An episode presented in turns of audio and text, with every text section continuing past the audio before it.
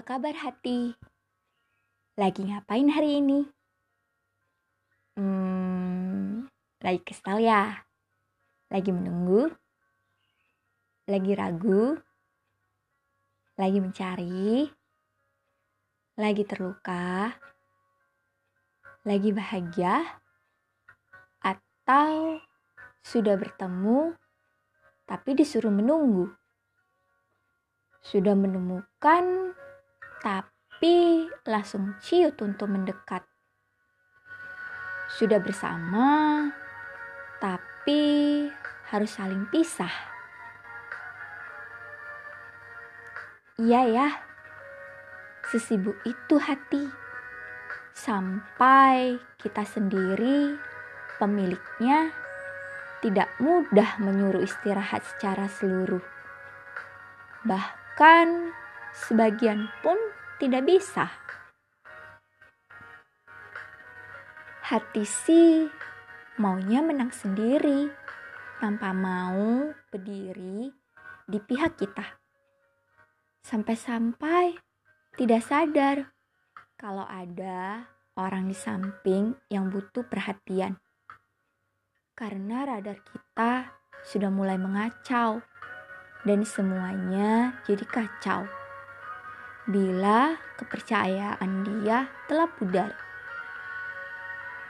Semuanya terasa lelah dan serba salah. Ingin bertahan, tapi tak nyaman. Mau melepaskan, takut disalahkan karena sudah menyiapkan orang yang sudah sangat bersungguh-sungguh.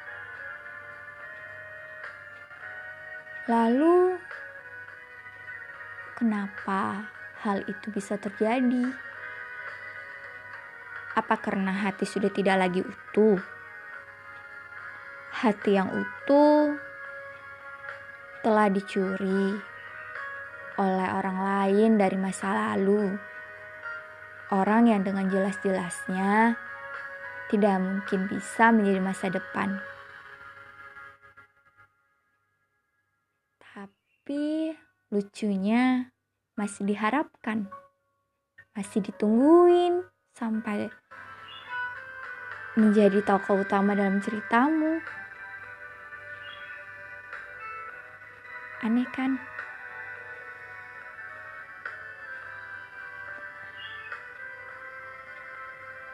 Rumit seperti benang kusut. Mau diuraikan, bingung mau dimulai dari mana. Kamu tahu nggak kenapa harapan itu tidak bisa terjadi? Mungkin Tuhan nggak ngizini maunya kamu saat ini. Karena Tuhan tahu maunya kamu itu tidak baik bagimu. Lalu kenapa takdir mempertemukan kamu dengan dia jika memang tidak mau disatukan? Iya. Memang begitu alur yang sudah tertulis di kehidupanmu.